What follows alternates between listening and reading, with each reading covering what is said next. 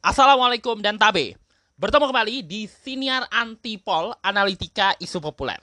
Uh, yang mana kita kembali membahas uh, berbagai kejadian yang sedang hip, yang sedang populer apa pun itu, baik dalam baik di dalam luar negeri dia dari perspektif gua. Uh, kali ini kita akan ngomongin waktu gua ngeliat ini di gua tahu berita ini, gua langsung teringat satu kejadian kejadian yang kemudian melahirkan sebuah SK surat keputusan bersama kalau tidak salah mengenai uh, masalah berpakaian. Ya, konteksnya sih masalah berpakaian di sekolah, tapi yang belakangan uh, menurut pendapat Mahkamah Agung ini seharusnya nggak perlu karena aturannya sebenarnya sudah ada dari dulu. Dan kejadian ini memang rada tragis sih menurut gua.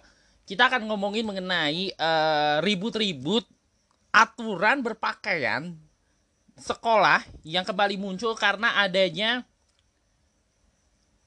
belakangan sih terbukti sih pada akhirnya terbukti bahwa jadi ada seorang siswa. Siswa ini ber, e, bersekolah di sewa, di sebuah sekolah negeri lah di Yogyakarta. Terus kemudian dia menerima ancaman karena dia tidak berhijab. Terus dia tertekan orang tuanya ngadu terus rame.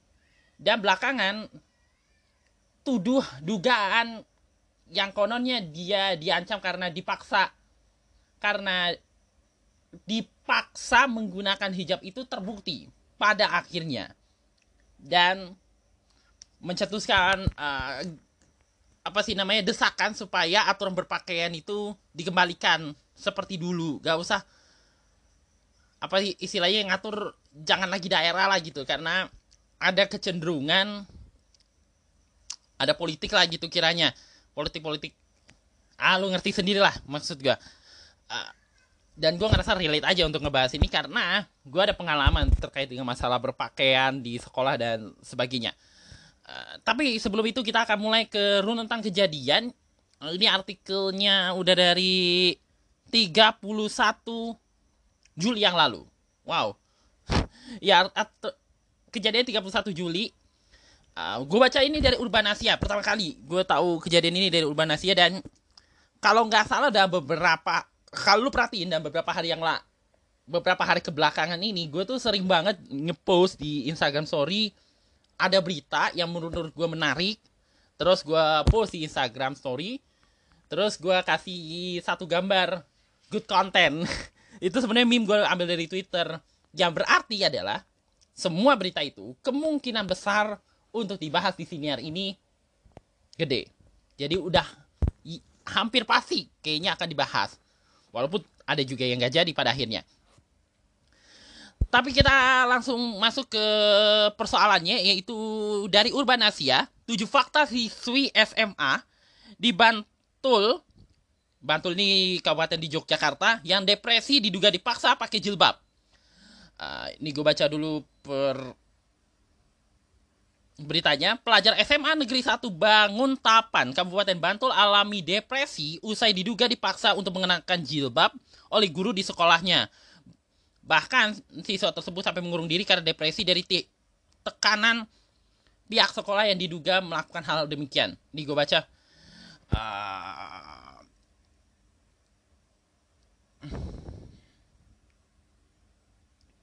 Ini gue baca uh, tujuh faktanya dari artikel Urbanasia kronologi pendamping korban Yuliani menceritakan peristiwa tersebut. Siswa tersebut dipanggil ke kantor bimbingan konseling BK hingga diinterogasi oleh tiga guru BK.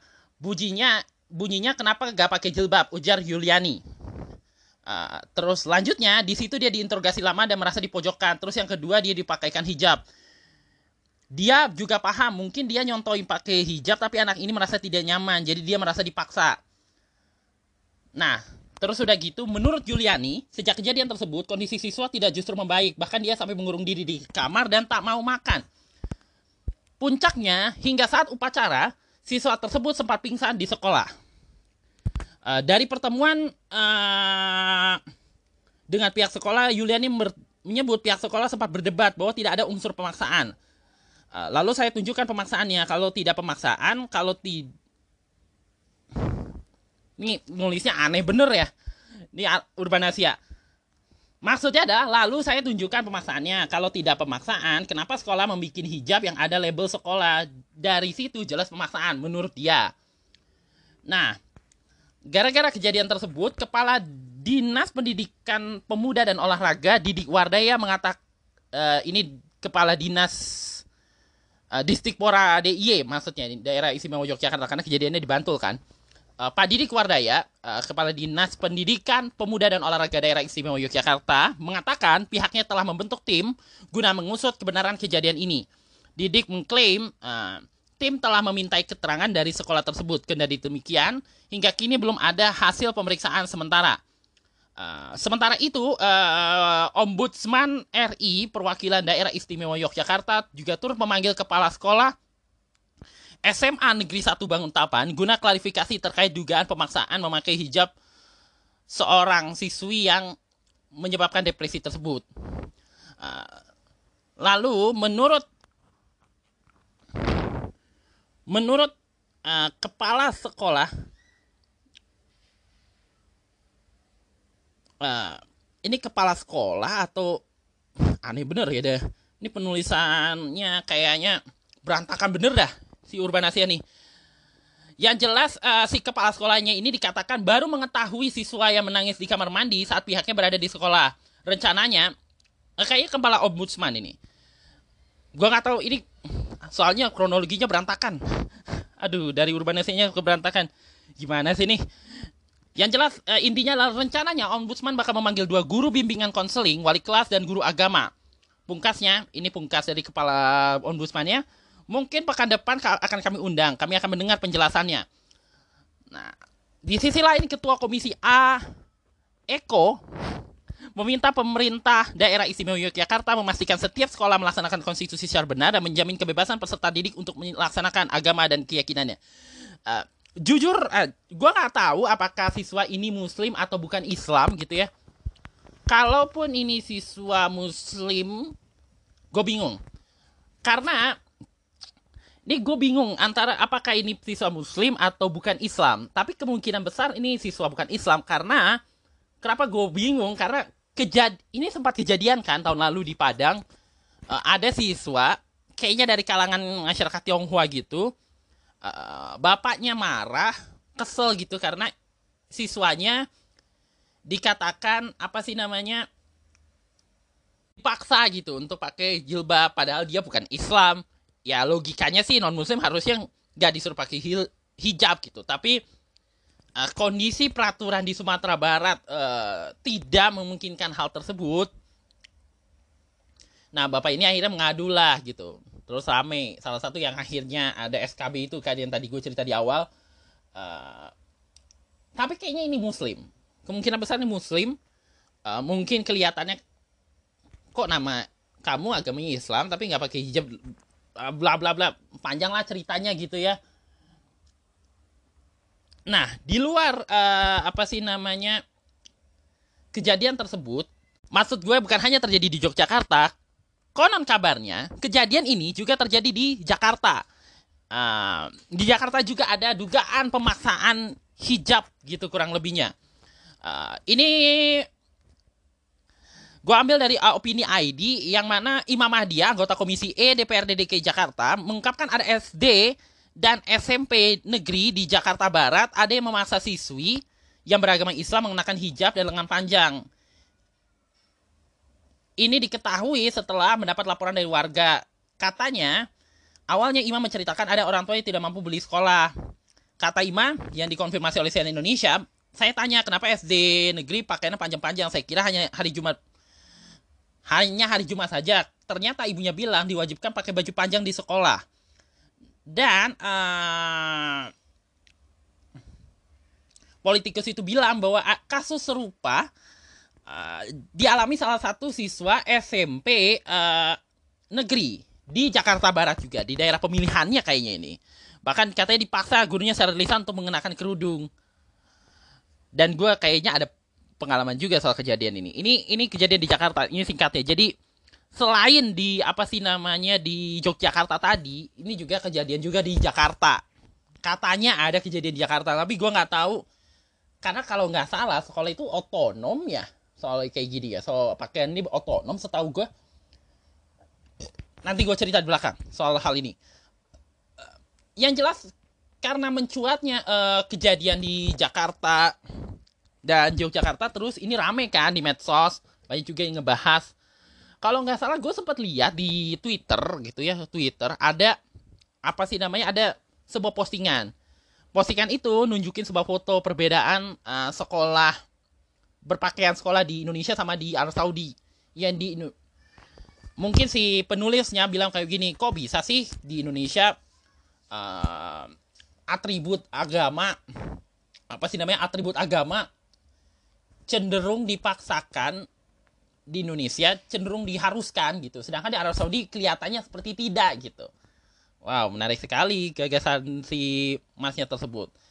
Nah senada dengan itu uh, seruan untuk mengembalikan penggunaan seragam sekolah seperti dahulu disuarakan. Dan ini trending juga di Twitter. Uh, ini gue baca kali ini artikelnya dari fifa.co.id ini ini berkaitan dengan uh, kejadian di Bantul tadi. Karena hal tersebut, para pengguna Twitter menyerukan dan membagikan sebuah poster yang bertuliskan kembalikan standar seragam sekolah negeri kayak dulu. Tujuannya untuk mengembalikan kebebasan dalam menggunakan seragam sekolah namun tetap sesuai dengan peraturan. Mengutip tweet atau kicauan daripada at Mas Jopra yang pertama kali salah satu akun Twitter yang pertama kali me membuat kicauan ini mendapatkan retweet 5000 dan like 11000 atau tanda suka yang memberi tanda suka ada 11000 uh, menggugah mengunggah poster atau gambar gitu ya lebih tepatnya mengunggah gambar membagikan gambar tersebut di Twitter sambil menambahkan keterangan uh, tweetnya adalah gaslah Kemdikbud mentik akunnya Kementerian Pendidikan Kebudayaan Riset dan Teknologi. Berani gitu tanda tanya tulisnya. Sampai mention akun tersebut Uh, ini mendapatkan uh, tanggapan dari beberapa netizen. Ada yang setuju, kecuali untuk sekolah-sekolah swasta di bawah yayasan agama. Kalau yang sekolah negeri harus netral mungkin semua atribut yang sifatnya keagamaan, bahkan kebudayaan, uh, harus bersifat op opsional. Tapi di sisi lain ada juga yang sebenarnya bagus kok gitu. Mungkin cara penyampaiannya aja yang salah gitu. Sementara itu, diketahui peraturan berseragam di sekolah negeri yang tercantum uh, melalui peraturan Menteri Pendidikan dan Kebudayaan nomor 45 tahun 2014 memang memberi opsi uh, bagi siswa dan siswi untuk memilih menggunakan seragam pendek, seragam panjang, seragam pendek, seragam panjang ataupun jilbab. Tapi dalam kenyataannya, kasus dugaan pemaksaan dan pelarangan menggunakan atribut keagamaan pada seragam sekolah memang kerap mengemuka di setiap tahun ajaran baru.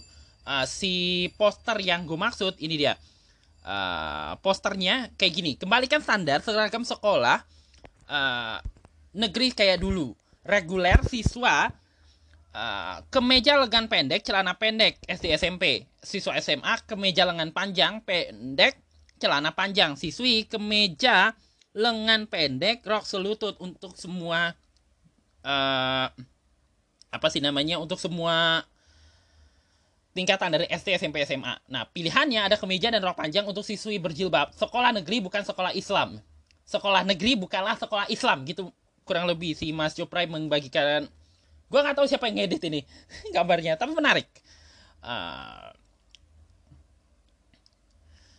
uh, tapi di sisi lain, gue setuju tadi dengan si ada salah satu pengguna Twitter. Uh, gue setuju kalau misalnya ini diterapin di negeri, tapi jangan di sekolah swasta yang agamis lah gitu, yang spesifik agama Islam. Kalau sekolah-sekolah negeri harusnya ya gitu kurang lebihnya. Uh, kejadian, uh, tapi gue bisa memahami kejadian tersebut dan diskursusnya memang berlangsung kan. Uh, setelah kejadian di Bantul tadi. Tapi kalau dipikir-pikir lagi, menurut gue ini menarik juga gitu. Karena gue mengalami uh, mengalami langsung keadaan-keadaan kayak gini. Uh, eh, gue kan SMP di 23 dan SMA-nya di Budi Mulia. Uh, eh, SMP gue negeri SMA-nya swasta. Dan memang persoalan uh, seperti tadi dijelaskan sebenarnya ada sebenarnya ada peraturan yang berkaitan dengan hal tersebut gitu. Bahwa peraturannya itu adalah tadi men, Permendikbud nomor 45 2014 soal opsi berpakaian itu kurang lebihnya. Opsi berpakaian bagi siswa uh, di negeri maupun uh, lebih tepatnya sih spesifik untuk sekolah negeri. Cuma kan gini ya uh, sekarang kan sekolah negeri di seluruh Indonesia itu nggak lagi dipegang Kemdikbud tapi dipegang pemerintah daerah gitu. Kak kalau nggak salah uh, kalau nggak salah SMA tuh sekarang yang megang SM, SD SMP itu megang pemerintah kota. Eh, SMA dan SMK itu megang pemerintah provinsi. Dan setiap provinsi kan punya kebijakan masing-masing ya dengan ada yang otonomi daerah punya kebijakan masing-masing. Bah yang mencakupi bisa ya selama tidak menabrak batasan-batasan yang kan dalam otonomi daerah itu kan nggak boleh punya nggak boleh beberapa kebijakan yang berkaitan langsung dengan masyarakat tuh yang nangani langsung daerah. Tapi yang kayak pertahanan keamanan hubungan interna hubungan internasional masih bisa sih walaupun ya kalau untuk yang lebih panjangnya harus ada komunikasi dengan pemerintah pusat tentunya.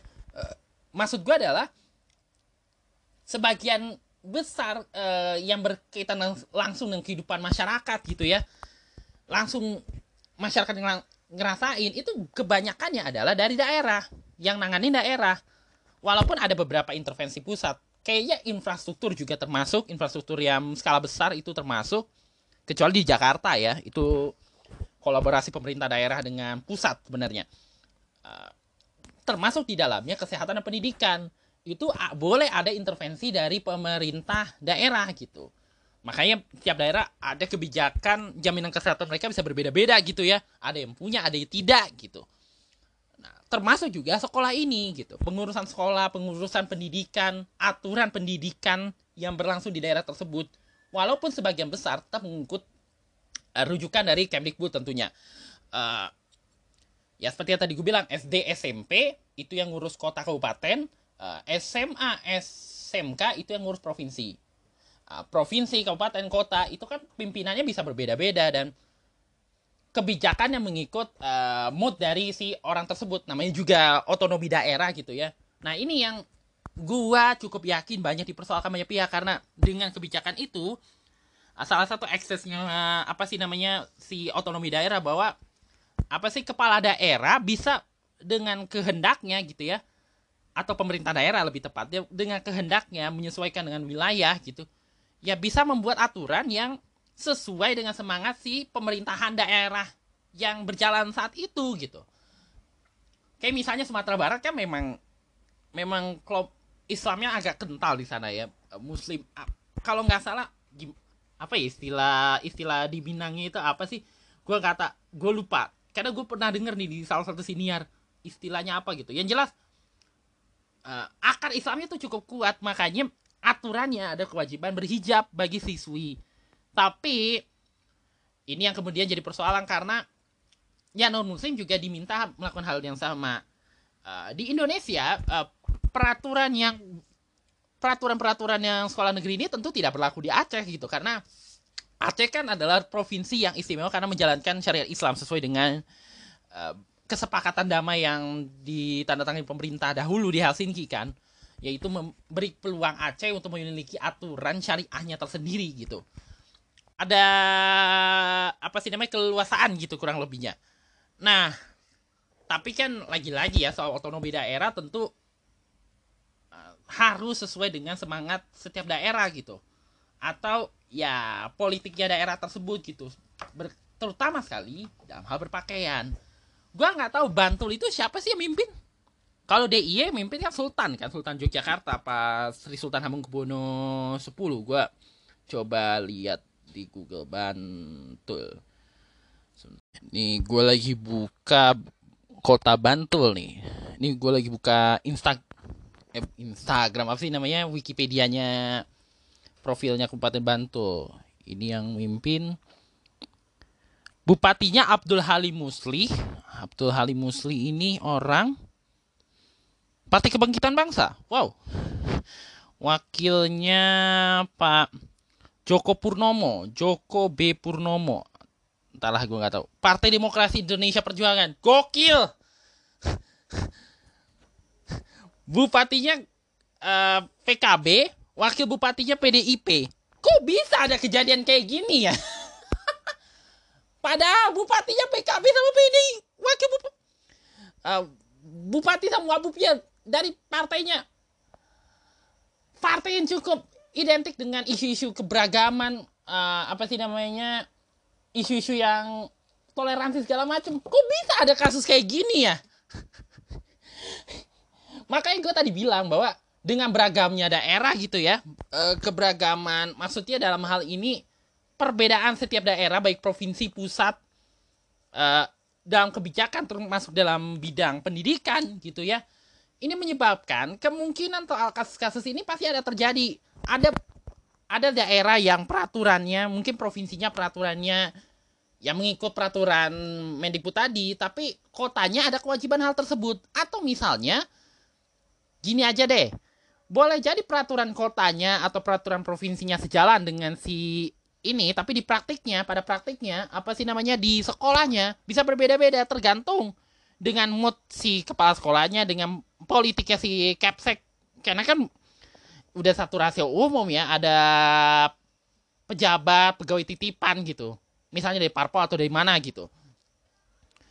Uh, dan setiap orang kan kita nggak tahu ideologinya kayak gimana. Jadi bisa aja uh, makanya gue curiga nih antara ini dari daerahnya atau emang sekolahnya yang ada mainan-mainan politik kayak gini gitu kurang lebihnya. Apalagi masuk-masuk ke hal pribadi seperti berpakaian uh, sehingga uh, masalah gue mau bilang uh, yang tadi petisi tadi itu kan ditujukannya ya memang diarahkannya untuk sekolah negeri karena kejadian di sekolah negeri dan idealnya memang sekolah negeri itu apa sih pak cara berpakaiannya ya menyesuaikan dengan apa sih namanya ya semuanya gitu mencakupi semuanya ya betul memang mungkin boleh jadi di sekolah negeri itu ada, sebagian besarnya Islam tapi kan di situ ada non Muslim juga ada yang apa sih namanya non Muslim ini bisa aja Kristen Katolik Buddha Hindu ataupun yang di luar Konghucu juga di luar enam agama diakui di Indonesia kan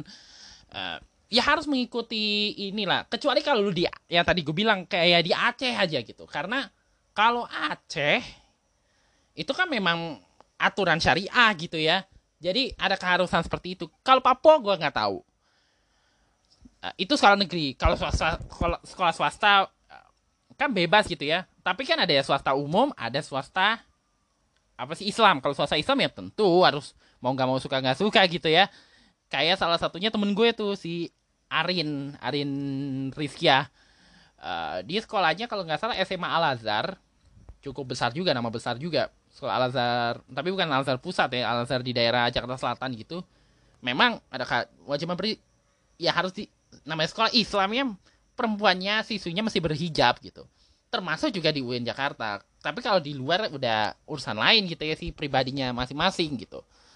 Uh, dan gue mau nah sebagian ini gue kebetulan ngalamin juga di SM gue kan SMP di SMP 23 Kota Tangerang.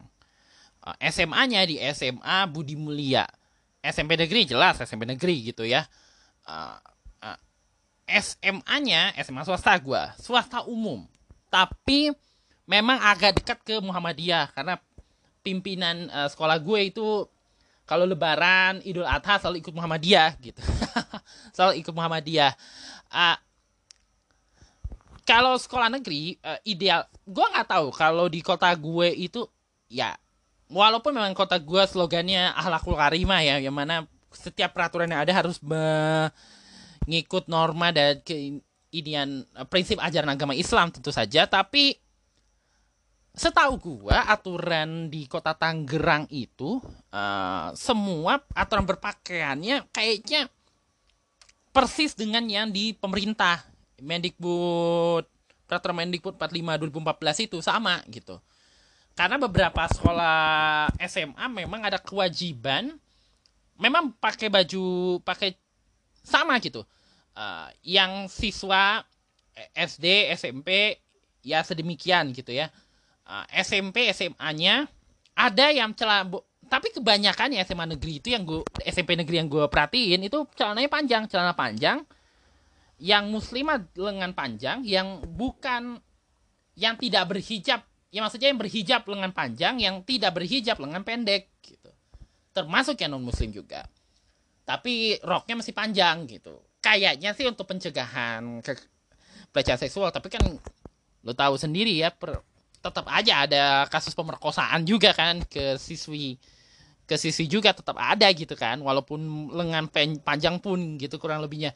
Uh, oh laki-laki ya lu you know lah lu udah ngerti lah gitu. Cuma uh, di sekolah gue SMP 23 gue nggak tahu kalau di SMP Budi, di SMA Budi Mulia. SMP itu ada larangan baju span karena memang rok panjang itu kan fungsinya adalah ya biar gak kelihatan panggul gitu untuk mencegah. Ya walaupun seperti gue bilang itu gak bisa mencegah ya gitu. Uh, kira-kira gak bisa mencegah adanya peluang tuh terjadinya pelecehan dan kekerasan seksual tetap ada aja peluang itu kan.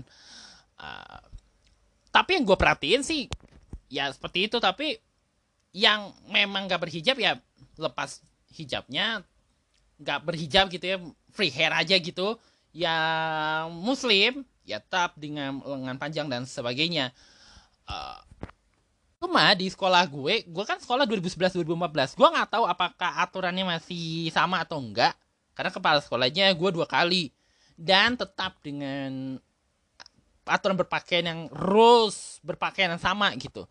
Gue nggak tahu kalau yang kepala sekolah sekarang. Tapi di sekolah gue itu diwajibin berhijab.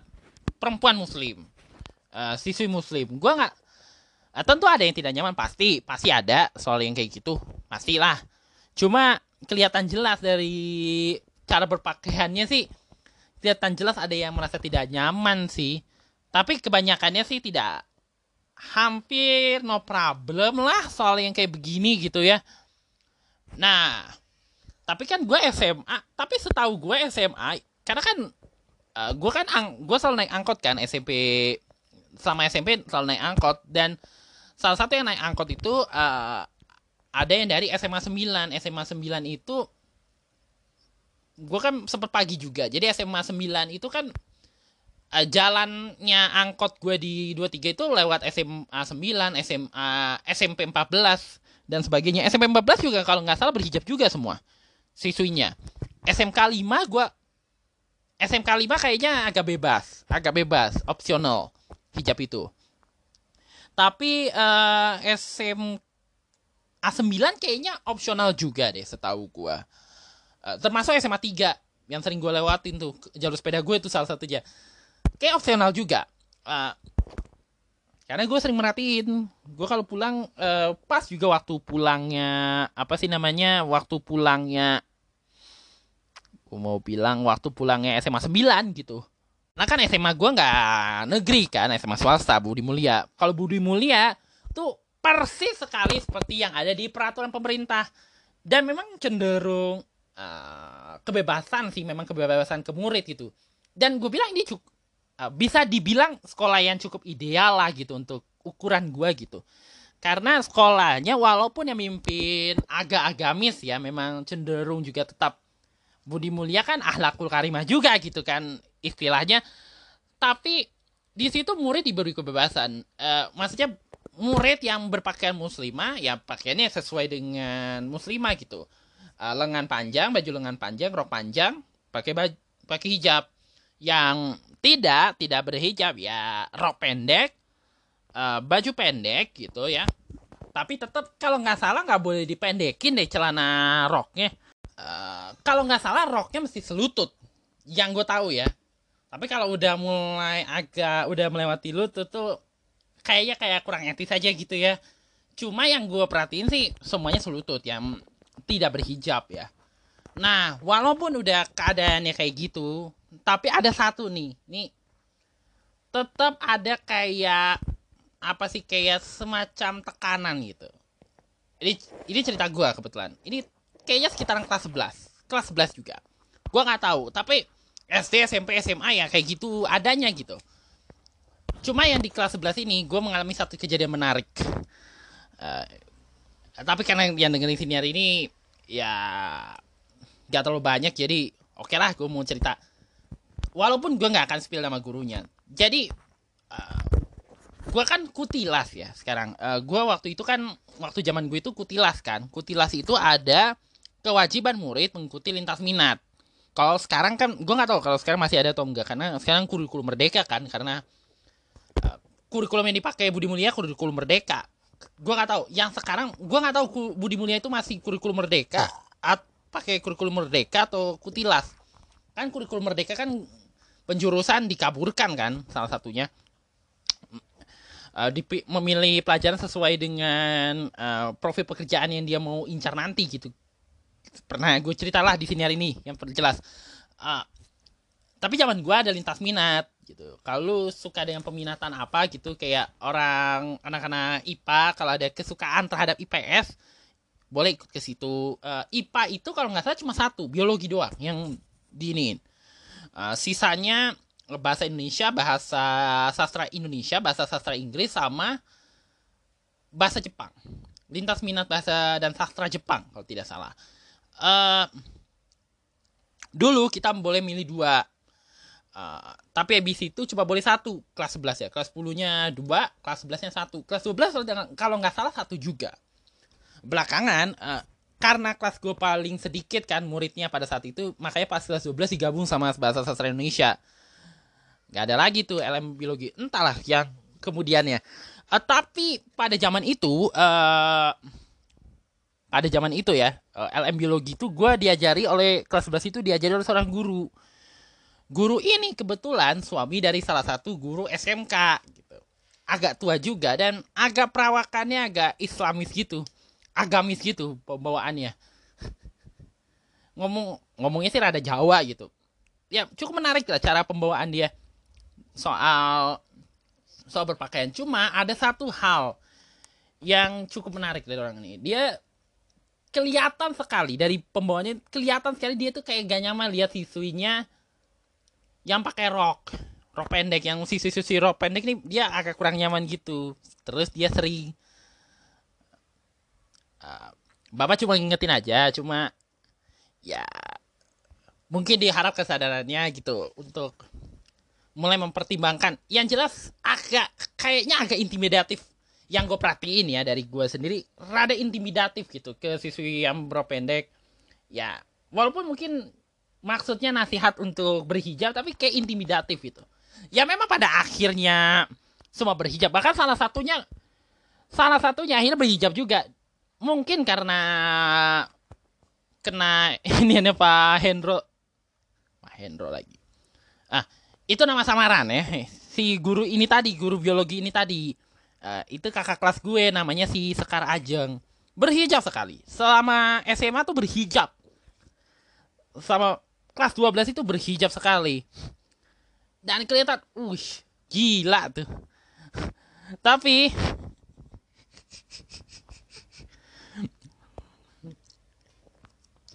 apakah itu akhirnya membuat orang ini mau konsisten berhijab Nih, gue lagi buka Instagramnya lagi.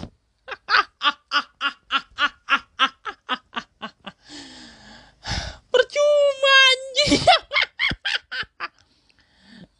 Nih gue lagi buka postingan 30 Juli.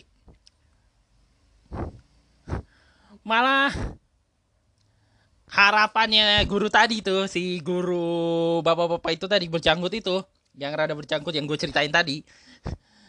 Pinginnya sih benar-benar konsisten. Tapi kan kita nggak tahu ya manusia kayak gimana gitu.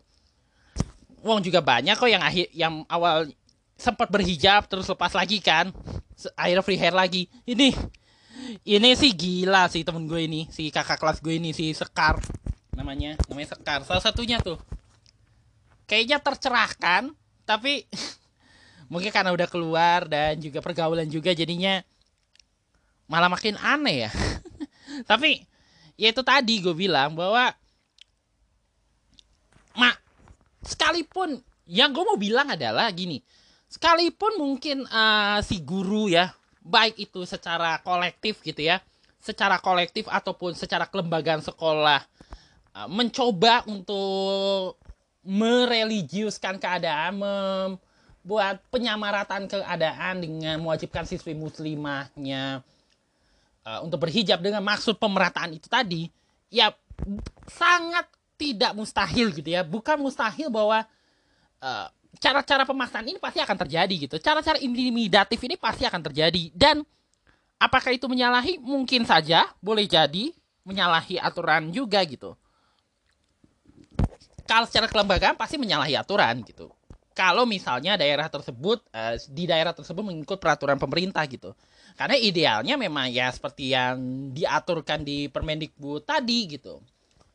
Uh, tapi yang tadi gue bilang gitu bahwa uh, politik dengan politik identitas yang menguat ditambah dengan uh, otonomi daerah yang memungkinkan daerah mengambil kebijakan sesuai kehendak mereka gitu. Ya hal-hal ini sangat bukan mustahil terjadi gitu. Kecuali Jakarta ya. Jakarta cukup ya mungkin karena lingkungan daerahnya ya kayak gitu jadi aturan berpakaiannya jadi tidak terlalu frontal gitu ya tapi secara kolektif kolegialnya kelihatan kayak yang terjadi di SMP 23 kayak terjadi di 14 gue nggak tahu kalau sekarang kayak gimana. Kayak masih deh setahu gue gue nggak tahu. SMK 5 itu adik gue entahlah.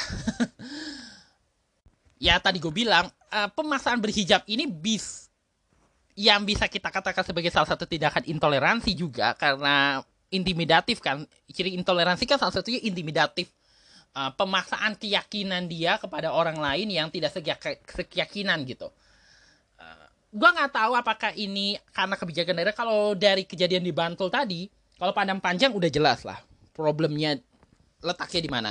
Tapi kalau yang di uh, Bantul tadi ini gua kuartirnya gue curiganya memang di otonomi sekolahnya gitu. Karena kan sekolah, kepala sekolah tadi seperti gua cerita beda-beda kan.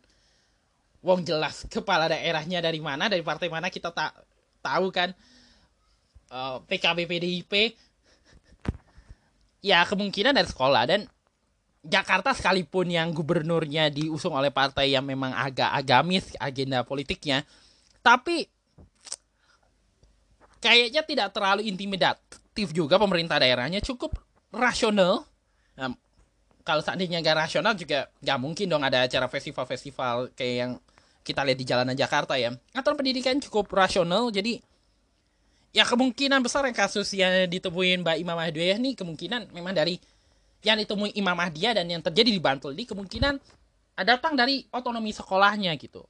Mungkin antara kepala sekolahnya ini uh, mungkin ada kekecewaan sehingga membuat sesuatu yang boleh jadi uh, dia lakukan walaupun resikonya bertentangan dengan aturan yang dari kota yang juga bertentangan dengan aturan pusat atau ya memang pandangan keagamaannya aja gitu kemungkinan besar tapi di sisi lain uh, memang gue setuju idealnya ideal gue setuju dengan gerakan yang ada di twitter bahwa idealnya sekolah negeri itu ya seperti pada adanya gitu.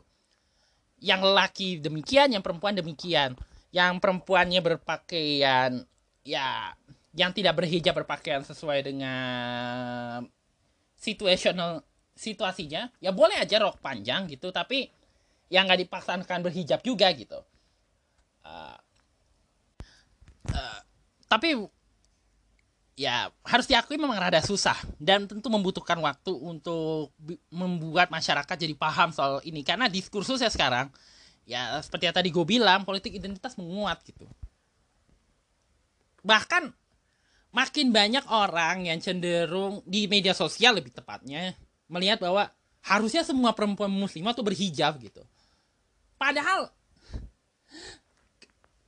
kayak yang tadi dibilang sih ada satu akun tuh yang membagi gambar perbedaan sekolah cara berpakaian anak sekolah di Indonesia dan di apa sih namanya di Arab Saudi gitu di Timur Tengah. Timur Tengah tuh bahkan Palestina yang dibela oleh banyak kelompok Muslim di teman-teman Muslim terutama yang rada fundamental di Indonesia pun. Bahkan kalau nggak salah uh, murid sekolahnya bahkan dibebaskan untuk berpakaian demikian. Kelihatan sekali bahwa sebenarnya aturan pendidikan gue nggak tahu kenapa gue curiga sih lebih ke uh, politik identitas gitu. Pengen menunjukkan bahwa kita islami loh kita religius loh ini bla bla bla segala macam. Padahal pakaian tidak ya seperti gue bilang pakaian tuh tidak menunjukkan religiusitas orang bergamis aja apa sih namanya orang berpakaian islami aja masih bisa mencuri gitu ya. Bergamis aja masih bisa apa sih istilahnya melakukan hal yang tolol gitu ya. Melakukan hal yang cenderung mengarah pada kekerasan ya ya sama aja gitu makanya gue gue tuh bisa apa? Gue pada akhirnya jadi ketika ada kayak dulu dulu banget ini walaupun gue agak marah dengan cara penyampaiannya gue bisa paham kenapa di TV tuh pernah ada di kayak sinetron kayak Islam KTP kayak ada satu sinetron gue tak gak inget judulnya tapi promonya gue inget banget. Itu menarik sekali. Ada satu TV uh, eh, jadi dia punya ada acara sinetron berbau agama karena salah satunya karena tren Islam KTP kan salah satunya uh, yang menjadi fenomenal ketika itu uh, ada satu sinetron. Nah gue nonton promonya. Promonya gini. Lo lo tahu nggak dosa lo apa? Ya ada dua lo dosa gue lo. Uh, yang pertama dosa lo mencuri. Kedua dosa lo adalah mencuri pakai gamis. Ya mungkin bagi kita yang melihat pemahaman Islamnya dan gue merasa bahwa sekarang uh, Islam ini lagi terpuruk sekali karena sering karena Islam fobia dan segala macam itu tentu khawatir dengan hal-hal yang kayak gini gitu. Tampilan-tampilan yang karena bisa disalahpahami gitu. Kayak kayak saudara gue gue punya saudara tuh gemar sekali nonton saudara gue agak uh, kebetulan non muslim dia tuh gemar sekali nonton sinetron Islam KTP karena memang Islam KTP lagi ram se Indonesia memang lagi rame gitu kan. Terus dia kayak tertarik kali dengan tertarik sekali dengan si tokohnya yang dimainkan si Kubil. Kubil kan main di sinetron itu main jadi orang kaya tapi sombong. Orang kaya muslimah sombong udah gitu med, kayak medit gak mau berbagi gitu. Tapi kalimat yang digunakannya selalu menggunakan kata bodoh bahlul. Mungkin maksudnya bodoh deh si bahlul ini. Bahlul lo gitu istilahnya. Tapi kan orang Islam uh, ketika nonton ini tentu uh, melihatnya bahwa mungkin ini sinetron mau menunjukkan bahwa ada loh orang Islam yang perpakaiannya Islam sifat uh, atributnya keislaman tapi gak bisa menunjukkan apa sih istilahnya? Cara berpakaiannya bertentangan dengan kelakuannya gitu. Tapi bagi non muslim bisa artinya lain. Bahkan bisa mengartikan itu bagian dari Islam. Makanya gue tuh sempat marah banget gitu. Sempat kesel banget kenapa sih masih ada sinetron kayak gini-gini gitu? Kalau mau ya ya standar-standar kayak lorong waktu kayak apa sih namanya para pencari Tuhan itu idealnya sebuah sinetron religi. Makanya gue juga favoritin sinetron yang kayak gitu. Karena lebih ideal aja gitu. Yang sinetron-sinetron yang rada frontal gitu itu agak aduh mengganggu banget gitu. Tapi gue bisa memahami maksudnya si orang ini bahwa ada bahkan berpakaian yang kelihatan religi pun masih bisa ngelakuin hal yang tidak dibenarkan oleh agama kita. Makanya banyak sekali kalangan-kalangan di Indonesia terutama apa sih namanya yang ngerasa bahwa seharusnya uh, pengajaran agama tuh gak dilihat dari inian atribut atau pe, apa sih namanya kepada pemahaman keagamaan tetapi kepada bagaimana membentuk karakter si muslim ini si siswa muslim ini menjadi lebih baik gitu. Lebih ke pembentukan karakter keagamaan yang sesuai dengan anjuran agama ketimbang uh, doktrin ayat dan segala macam gitu. Maksud gue ini gue takut disalahpahami juga nih pak. Kalimat gue karena boleh jadi dengan uh, semua kejadian yang kayak yang sekarang terjadi ini si masalah hijab ini bisa jadi diakibatkan oleh uh, bahwa hal-hal yang berkaitan dengan aturan keagamaan itu ya mesti ditekakin gitu. Karena di mata muslim maupun mungkin juga non muslim juga Islam itu dikenal karena aturannya itu mengatur semua hal dari urusan kamar mandi sampai urusan politik tuh Islam mengatur gitu dalam Al-Qur'an. Walaupun banyak juga ulama yang ngerasa bahwa Al-Quran nggak bisa dijadikan pedoman untuk hukum Islam harusnya ada hukum lain yang walaupun itu tetap juga boleh bersumber dari Al-Quran gitu tapi Al-Quran nggak bisa dijadikan hukum Islam gitu kurang lebihnya tapi untuk kelompok-kelompok ini karena merasa bahwa Islam itu adalah hukum makanya mereka ngerasa bahwa ya ini harus dilakukan gitu dan termasuk dalam hal berpakaian makanya uh, gue usul gimana kalau Kementerian Pendidikan, Kemdikbud, Kementerian Agama gitu ya, dan pemerintah daerah baik itu provinsi kabupaten itu duduk bersama, gitu. duduk bersama, berembuk bagaimana menentukan standar berpakaian yang ideal. Kalau Aceh mah udah udah jelas ya, karena dia kan daerahnya memang syariah Islam jadi gak perlu lagi. Ini yang di luar Aceh maksudnya dalam hal ini. Bagaimana menentukan standar berpakaian bagi murid baik itu SD, SMP, SMA. Karena kan SD, SMP kabupaten kota, SMA, SMK itu kan provinsi. SD, SMP, SMA, SMK standar berpakaiannya tuh perlu disamakan gitu antara persamaan persepsi lah gitu ya antara Kemdikbud, Kementerian Agama dan daerah. Termasuk bagaimana seharusnya berpakaian. Kalau laki-laki udah tentu no debat gitu ya. Yang perempuan ini nih gitu. Bagaimana gitu? Agar di satu sisi sesuai dengan peraturan pemerintah, tapi di saat bersamaan juga nggak melanggar uh, budaya di daerah tersebut gitu. Misalnya kayak Sumatera Barat gitu ya, yang memang Islam cukup kental gitu. Uh, boleh mungkin perempuannya berhijab, tapi yang non muslimnya dibiarkan berpakaian sesuai dengan keagamaan yang nggak usah disuruh berhijab gitu. Atau kayak di Yogyakarta ya sesuai dengan kultur budayanya, Bali sesuai dengan kultur budayanya, eh, si Papua sesuai dengan kultur budayanya supaya kelihatan jelas bahwa sekolah negeri itu menjadikan sekolah negeri ini spesifik gue ngebahas soal bagaimana penyamaan persepsi standar berpakaian di sekolah negeri. Kalau swas, sekolah swasta menyesuaikan dengan fungsionalnya sekolah umum sekolah umum sekolah agama ya spesifik agama sesuai dengan atribut keagamaannya gitu ya. E, bagaimana supaya sekolah negeri ini jangan lagi kelihatan kayak rasa sekolah agama gitu. Ya sekolah negeri sekolah negeri aja. Ya sesuai dengan menggambarkan keindonesiaan. Menggambarkan bahwa bersatu bukan untuk jadi satu. Gitu kurang lebihnya. Dan untuk mengajarkan to tole ujung tombak toleransi itu kan bermula dari sekolah kan. Apalagi sekolah negeri yang memang semua agama boleh masuk gitu.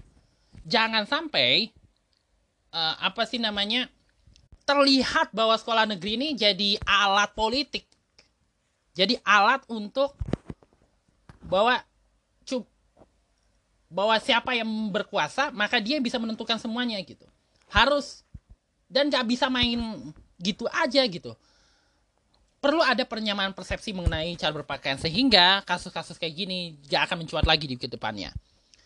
Uh, tentu apa yang terjadi kesimpulan gue adalah tentu apa yang terjadi di Padang Panjang di kalau pada Panjang mungkin berbeda dengan kasus Yogyakarta dan Jakarta gitu ya. Uh, tentu ini gak bisa dibenarkan. Makanya hal yang kayak gini, yang gue usul ini kayaknya perlu dipertimbangkan. Di sisi lain ada kesadaran kolektif di lingkungan sekolah bahwa toleransi itu harus jadi keutamaan gitu.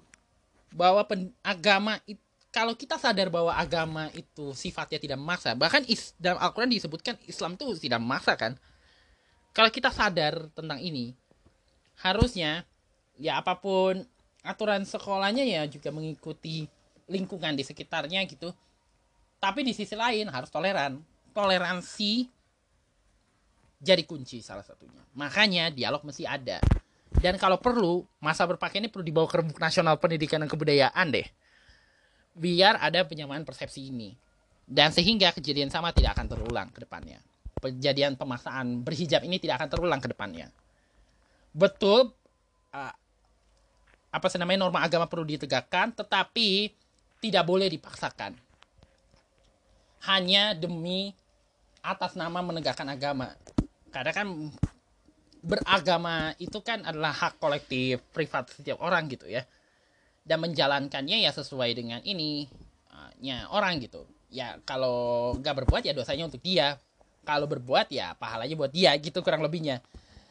Jadi jangan terlalu istilahnya pemaksaan ini perlu segera diatasi dengan jalan keluar yang terbaik. Itu aja sih pembahasan dan berbagi perspektif gua terkait dengan kejadian ini. Cukup panjang juga pembahasannya di episode kali ini di edisi kali ini. Kita ber, kita akan berjumpa kembali di episode berikutnya. Dari siniar antipol analitika sepopuler